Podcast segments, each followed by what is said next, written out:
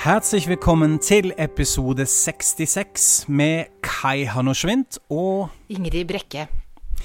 I dag snakker vi om tysk språkappropriasjon, for å bruke et unødvendig vanskelig ord. Altså for eksempel, hvorfor sier vi på tysk Mailand, og ikke Milano? Og så koseprater vi litt om dere, lytterne våre, og snakker litt om hva dere har sendt inn. Det blir gøy. Men først om det anstrengte forholdet mellom Tyskland og Russland etter forgiftningen av den russiske opposisjonspolitikeren Aleksej Navalnyj. Fordi nå har det virkelig blitt knute på tråden. Ingrid, hva har skjedd?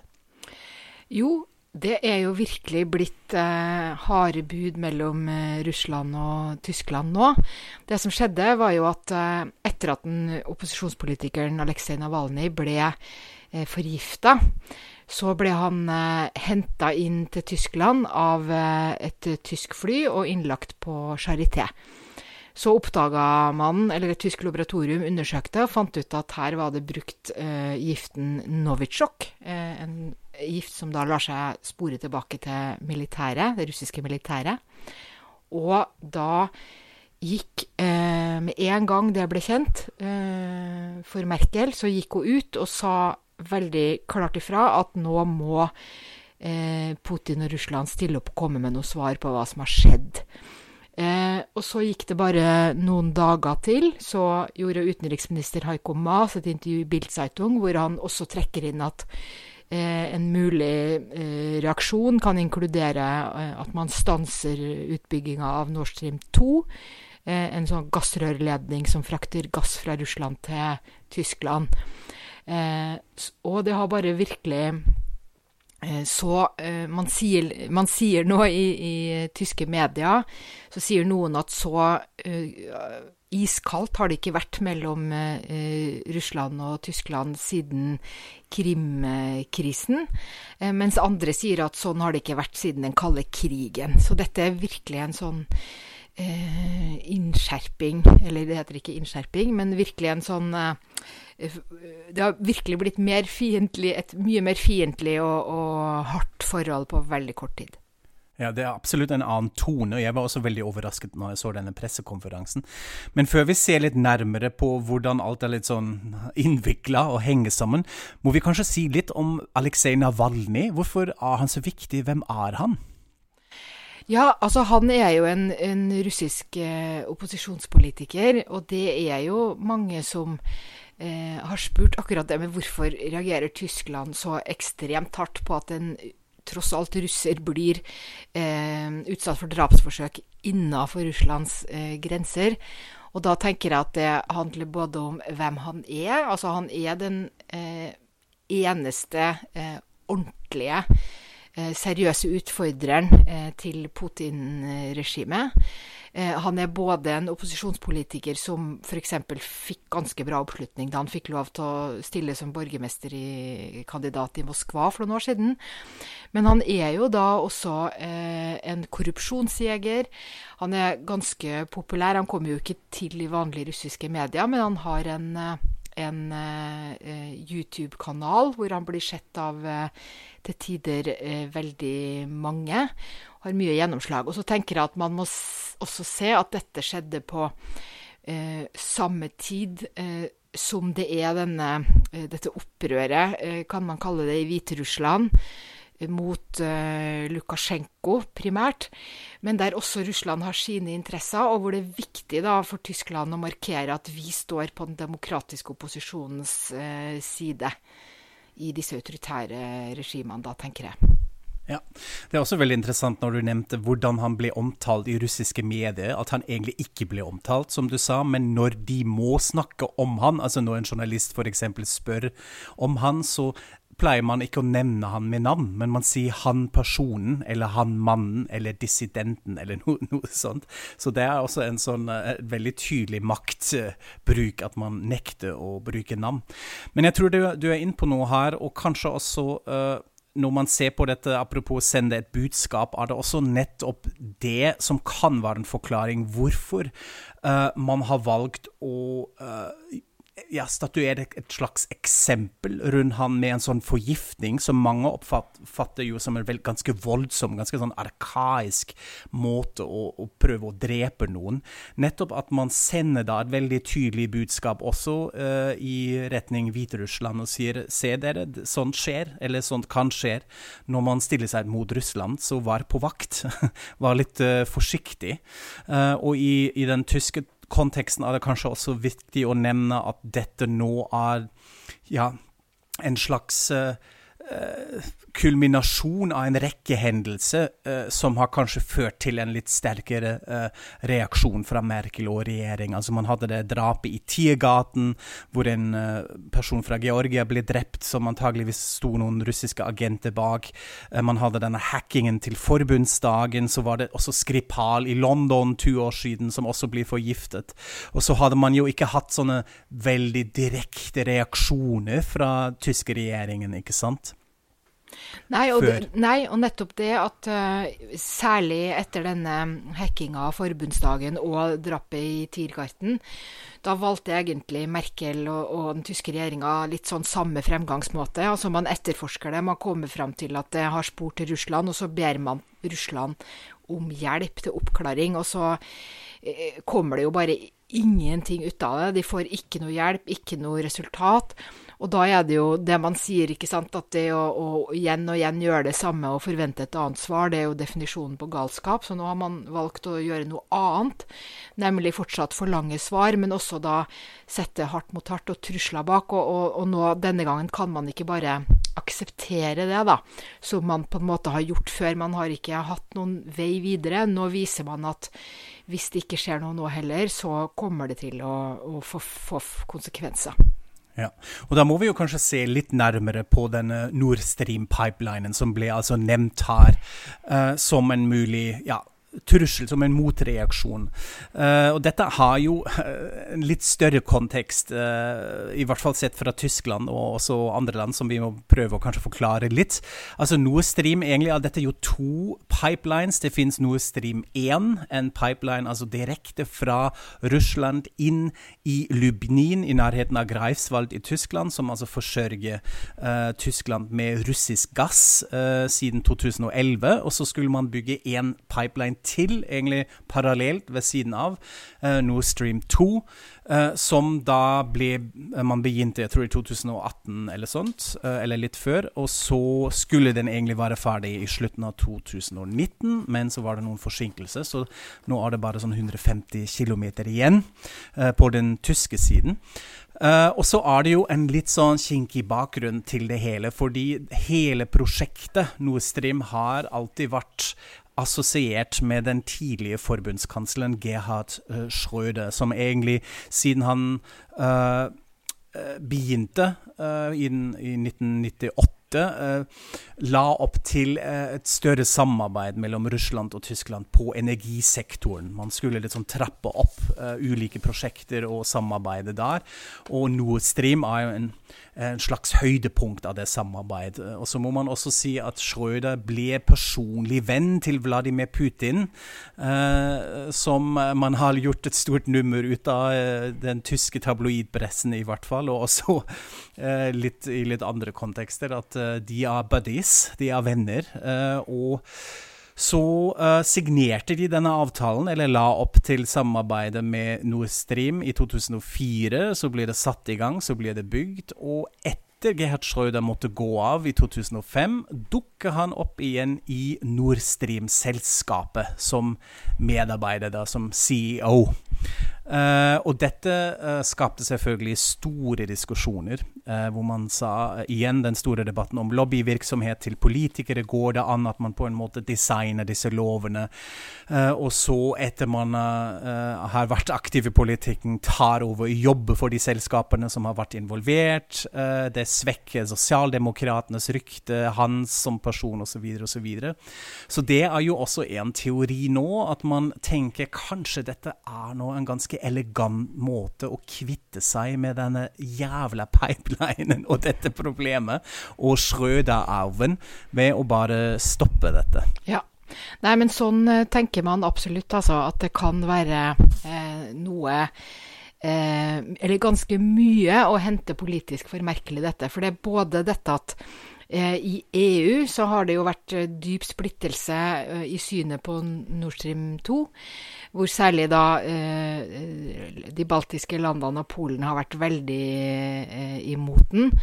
Så, og nå har jo Tyskland formannskapet, så man kan jo tenke seg at de kan klare å, å, å forene EU. Det er jo alltid den store tyske drømmen, det. At EU skal være enige og stå sammen. Og da kan de klare å gjøre dette i denne saken, kanskje. I hvert fall i en felles eh, russlandspolitikk. Eh, og så eh, er det jo også selvfølgelig da, eh, som du var inne på, hva internt eh, i Tyskland. Man kan bli kvitt denne Schrøder-arven. Det er jo lagd eh, rapporter fra sånne forskningsinstitutter som viser at man trenger jo egentlig ikke denne gassen.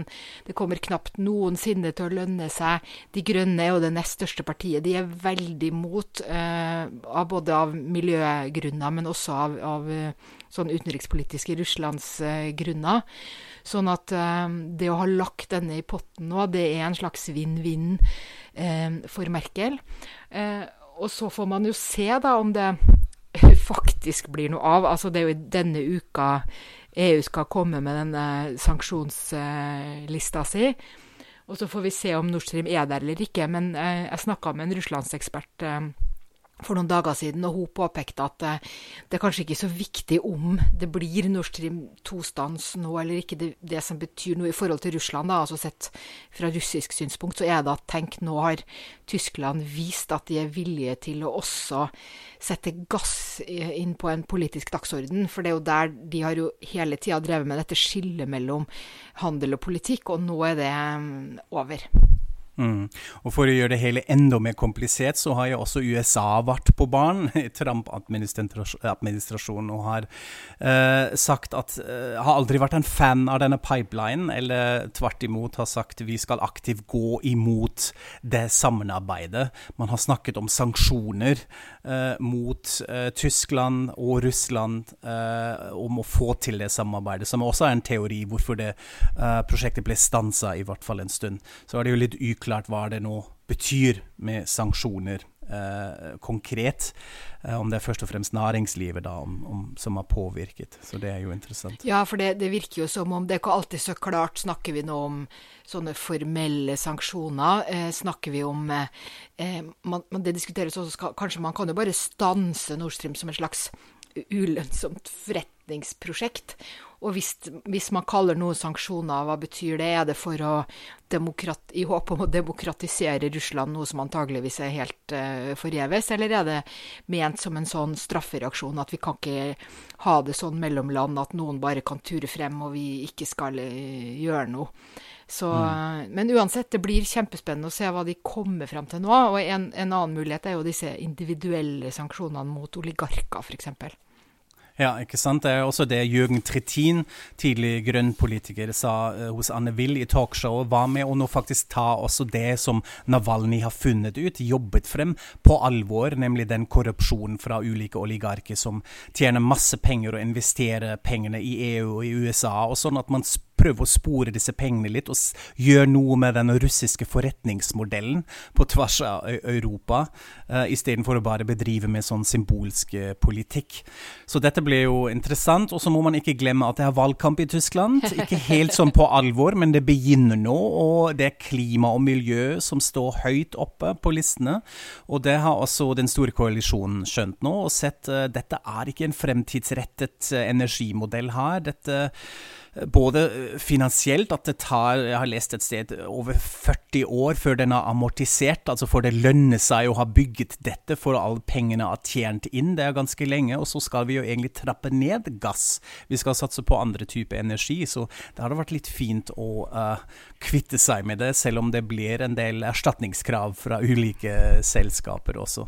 Så kanskje den som vinner Norge, fordi hvis jeg leste riktig, så er jo Norge den nest største gassleverandøren leverandør til Tyskland ja. etter Russland ja, så langt. Så det kan jo være uh, interessante perspektiver her eh, for, for Norge. Ja, sjøl om jeg tror faktisk vi selger så mye gass vi klarer. Ok, Så ikke, dere har ikke nok igjen til oss? Nei, jeg tror, tror ikke det, altså. Men uh, ja. vi får se. vi får se. Vi skal følge med. Det blir veldig, veldig spennende. Sånn, og nå skal vi snakke om noe helt annet. Nemlig om det rare fenomenet som mange nordmenn har undret seg over når de skal lære seg tysk. Hvor er egentlig Mailand? Hva er dette?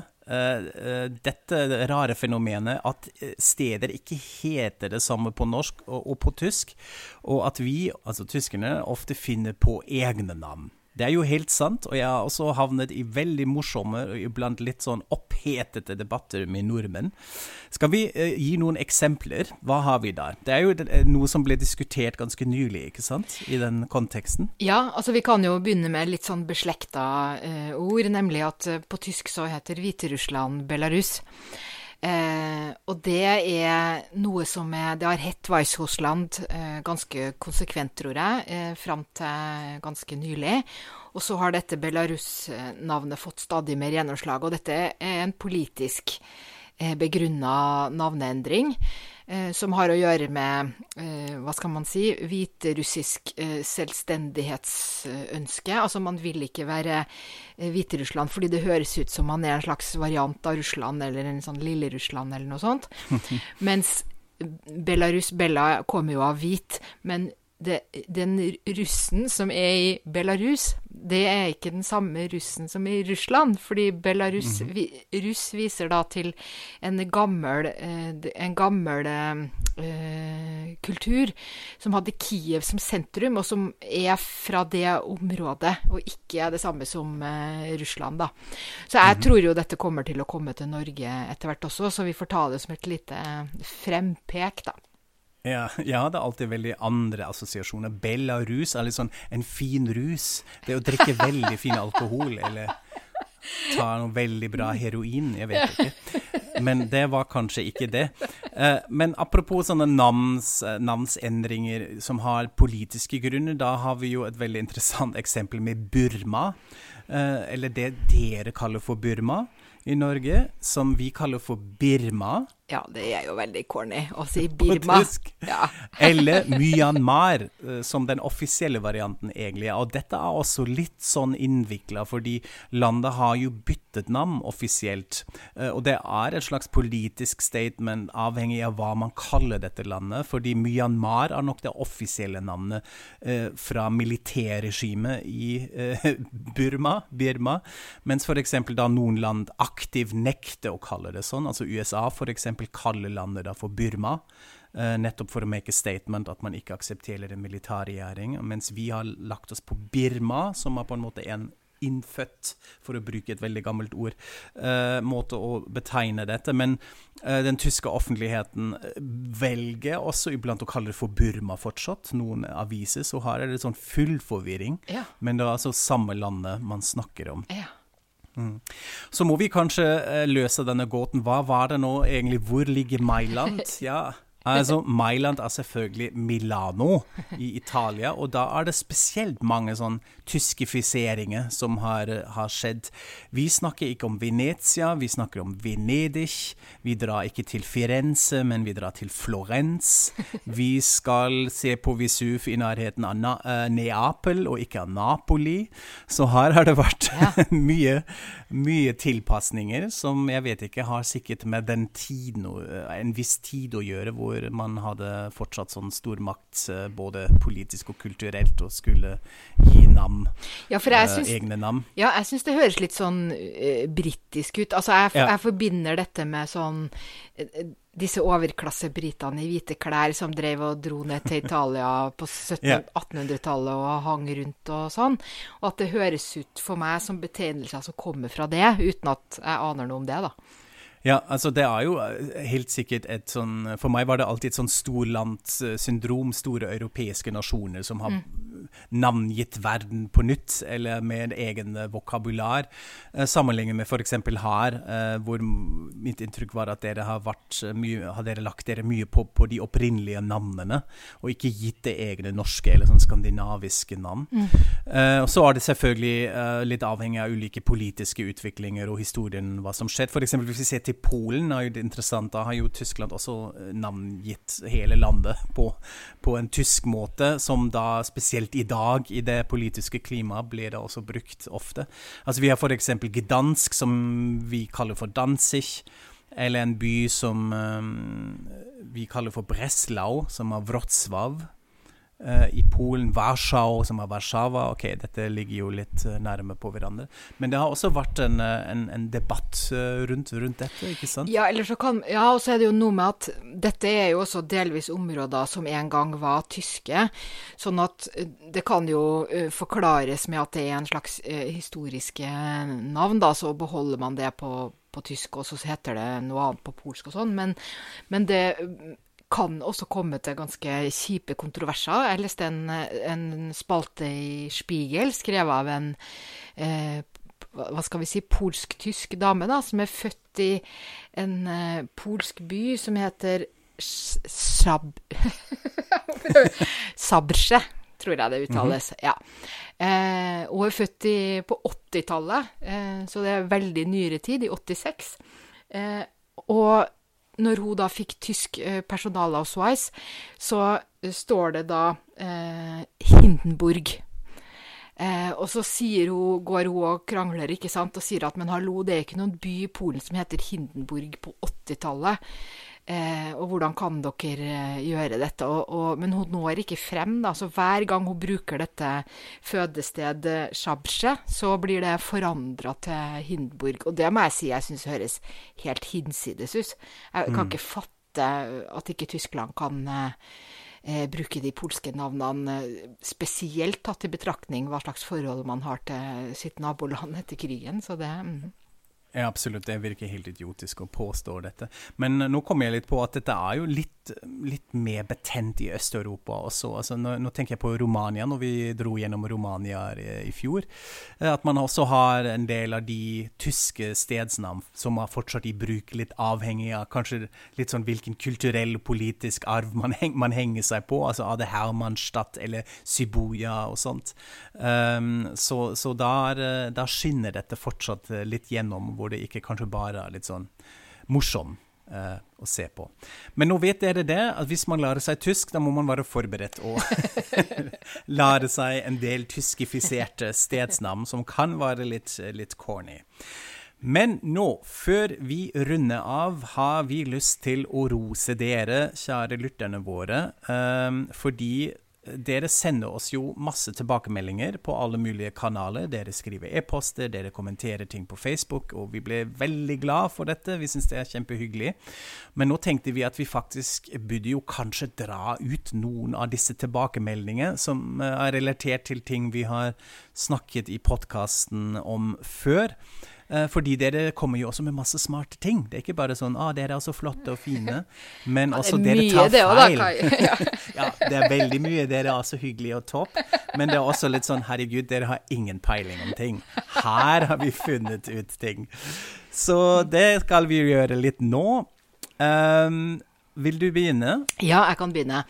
Ja. Eh, Eh, en veldig god eh, liten tilbakemelding var Vi hadde en sånn eh, episode om TV-serier i, i, sommer. Eh, og da er det en som har skrevet til oss eh, Han har nemlig sett denne Deutschland 86 eh, i første episode. Og så foregår jo Dette jo da DDR og Angola hadde sterke forbindelser. Og så ser man da en liten angolansk gutt som spiller fotball. Og på T-skjorta hans så står det da 'Sparwasser'. Eh, og så eh, roser da vår innsender egentlig TV-serien for, for, den glimrende researchen. For Jürgen Sparwasser han var da den store helten i DDR fordi han hadde skåra vinnermålet 1-0 mot Vest-Tyskland i fotball-VM i 1974 i Vest-Tyskland. Så det var en enorm propagandaserie og, eh, seier den gangen, og derfor er det jo selvfølgelig veldig riktig historisk at når en liten angolansk gutt eh, skulle spille fotball med en eh, T-skjorte, eh, fotball-T-skjorte på den tida, så sto det nettopp Sparwasser, da. Så det syns jeg var en nusselig, koselig tilbakemelding å få. Den var veldig fin, og da blir jeg også minnet på at jeg faktisk husker dette navnet, Jürgen Sparwasser, også fra min barndom, eller mitt barndom, heter det, uh, uten at jeg huske på den tid hvem det egentlig var. Altså Jeg bare kom på senere, eller fant ut senere at det var en fotballspiller og hva som hadde skjedd, men det navnet var litt sånn rundt, det ble snakket om og sånn. Så det med propagandaseier, det tror jeg er helt sant. Dette var en stor ting, at man da skårte mål mot uh, Vest-Tyskland. Men så har vi også fått uh, en del um, innsendinger uh, som har kanskje ikke vært sånn, sånn morsomt koselig ment, fordi her er det en lytter som skrev til oss uh, i forbindelse med disse, ja, skal vi kalle de nazi-opplevelser ja. som, som, vi hadde. Uh, jeg fortalte denne historien om uh, den tyske når jeg var fra en skole, hvor den første strofen av den gamle nasjonallåten ble spilt. og det var også en stakkars lytter som opplevde det samme på et fly mellom Oslo og Hamburg.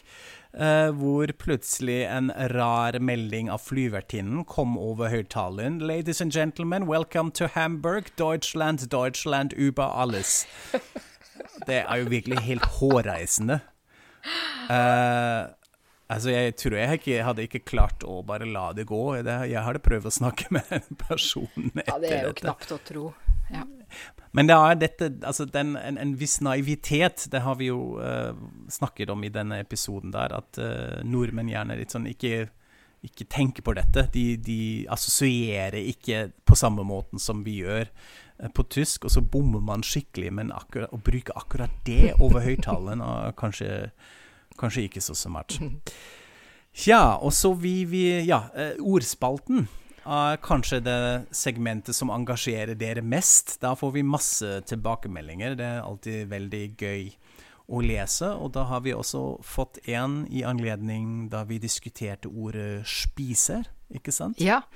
Eh, og det her er ikke egentlig en korreksjon, det er mer en utdyping, vil jeg si, av eh, hva vi sa. Og det, dette er det da en, en språkviter som, som, er spesielt interessert i etymologi, skriver hun, eh, som prøvde å finne ut hvor kommer det nå egentlig fra, da, dette ordet. Ordet 'spisig'. Eh, og eh, det, hun skriver at det var klart at ordet selvfølgelig har noe med spisbygget å, å gjøre, men hvor har det igjen sin opprinnelse? Jo, Eh, det finnes fra 1600-tallet, og det var et ord som ble brukt nedlatende om bybefolkning. Eh, antagelig fordi at borgerne i byene da var bevæpna med spyd. Og så eh, ble det tatt opp av studenter, eh, og brukt da eh, med en viss arroganse, da kanskje, om borgere som fortsatte å bruke spyd etter at skytevåpen eh, var, var, blitt funnet opp, da.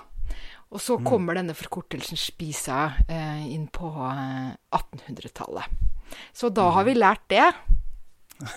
Veldig bra. Tusen mm. takk for dette. Og Så har vi også uh, fått et forslag for et ord som vi kunne diskutere. og Nå har vi jo snakket om masse om ord, men vi tar en til, fordi det er faktisk litt gøy. En lytter som foreslår kan dere ikke forklare hva er en hochstaple på tysk. Uh, og det er litt vanskelig, må jeg si, fordi jeg kommer nå ikke på det tilsvarende på norsk sånn med det første. Uh, kan du det, Ingrid? Hva er en hochstaple? På norsk? Nei, jeg hadde jo håpa du ikke skulle spørre meg om dette, fordi jeg, det, dette er en av de ordene som jeg ofte bare prøver å ignorere, og det går ganske bra, egentlig. Altså, mitt, mitt inntrykk er at eh, det har noe med en eller annen sånn eh, overambisiøs eh, luring å gjøre, men akkurat hva det konkret betyr, det vet jeg egentlig ikke. Men, men, det tror jeg er en ganske god oppsummering. Altså Hvis man Google translater dette, så kommer det 'bedrager' på norsk. Det er nok det. Altså Her snakker vi bedrageri og lureri, men litt sånn relatert til at man lurer seg i en høyere posisjon eller stilling. Uh, for å oppnå noen fordeler. Sånn blir det ofte brukt. Altså En hårstapler er noen som later som han har f.eks. doktorgrad, som Carl Theodor zu Gutenberg, som ikke hadde dette. Uh, og bare for å få noen fordeler. Så det er en blanding av nettopp det, at det er litt sånn ambisjoner basert på lureri. Uh, og man skal ha noen fordeler, og så er dette jo rammet inn i bedrageri. Så dermed er bedrager egentlig en OK oversettelse, men man mangler litt dette med posisjon og klasse og stilling, som kanskje er litt litt utypisk norsk også. Eh, kanskje også derfor man har ikke det eh, ordet, fordi dere har så flate strukturer her. Selv innen bedrageri har vi flat struktur, faktisk. Mulig det, men nå vet dere det i hvert fall, og kan bruke ordet hårstabler eh, på tysk og norsk og kan forklare dette. Veldig bra. Så eh, kjære nye og gamle lyttere, følg oss på Facebook. Eh, siden vår heter da selvfølgelig Tyskerne. Vi har også en Instagram-konto som heter Tyskerne Podcast med K. Eh, hvor vi deler litt mer, sånn, ja, mer bildemateriale. Og hvis det, du vil gjøre oss ekstra glade, så fortell noen andre om oss, og del oss videre i sosiale medier. Stjerner og anmeldelser blir vi også veldig glade for, så kjør i vei. Lik oss, så liker vi dere. Ja, nei, vi liker dere uansett. ja, vi liker dere. Ja. Så runder vi av, og neste gang du hører fra oss, da er en av oss i Tyskland. Mm, vi skal ikke si noe mer. Det blir spennende. Vi snakkes. Auf Wiederhören. Auf Wiederhören.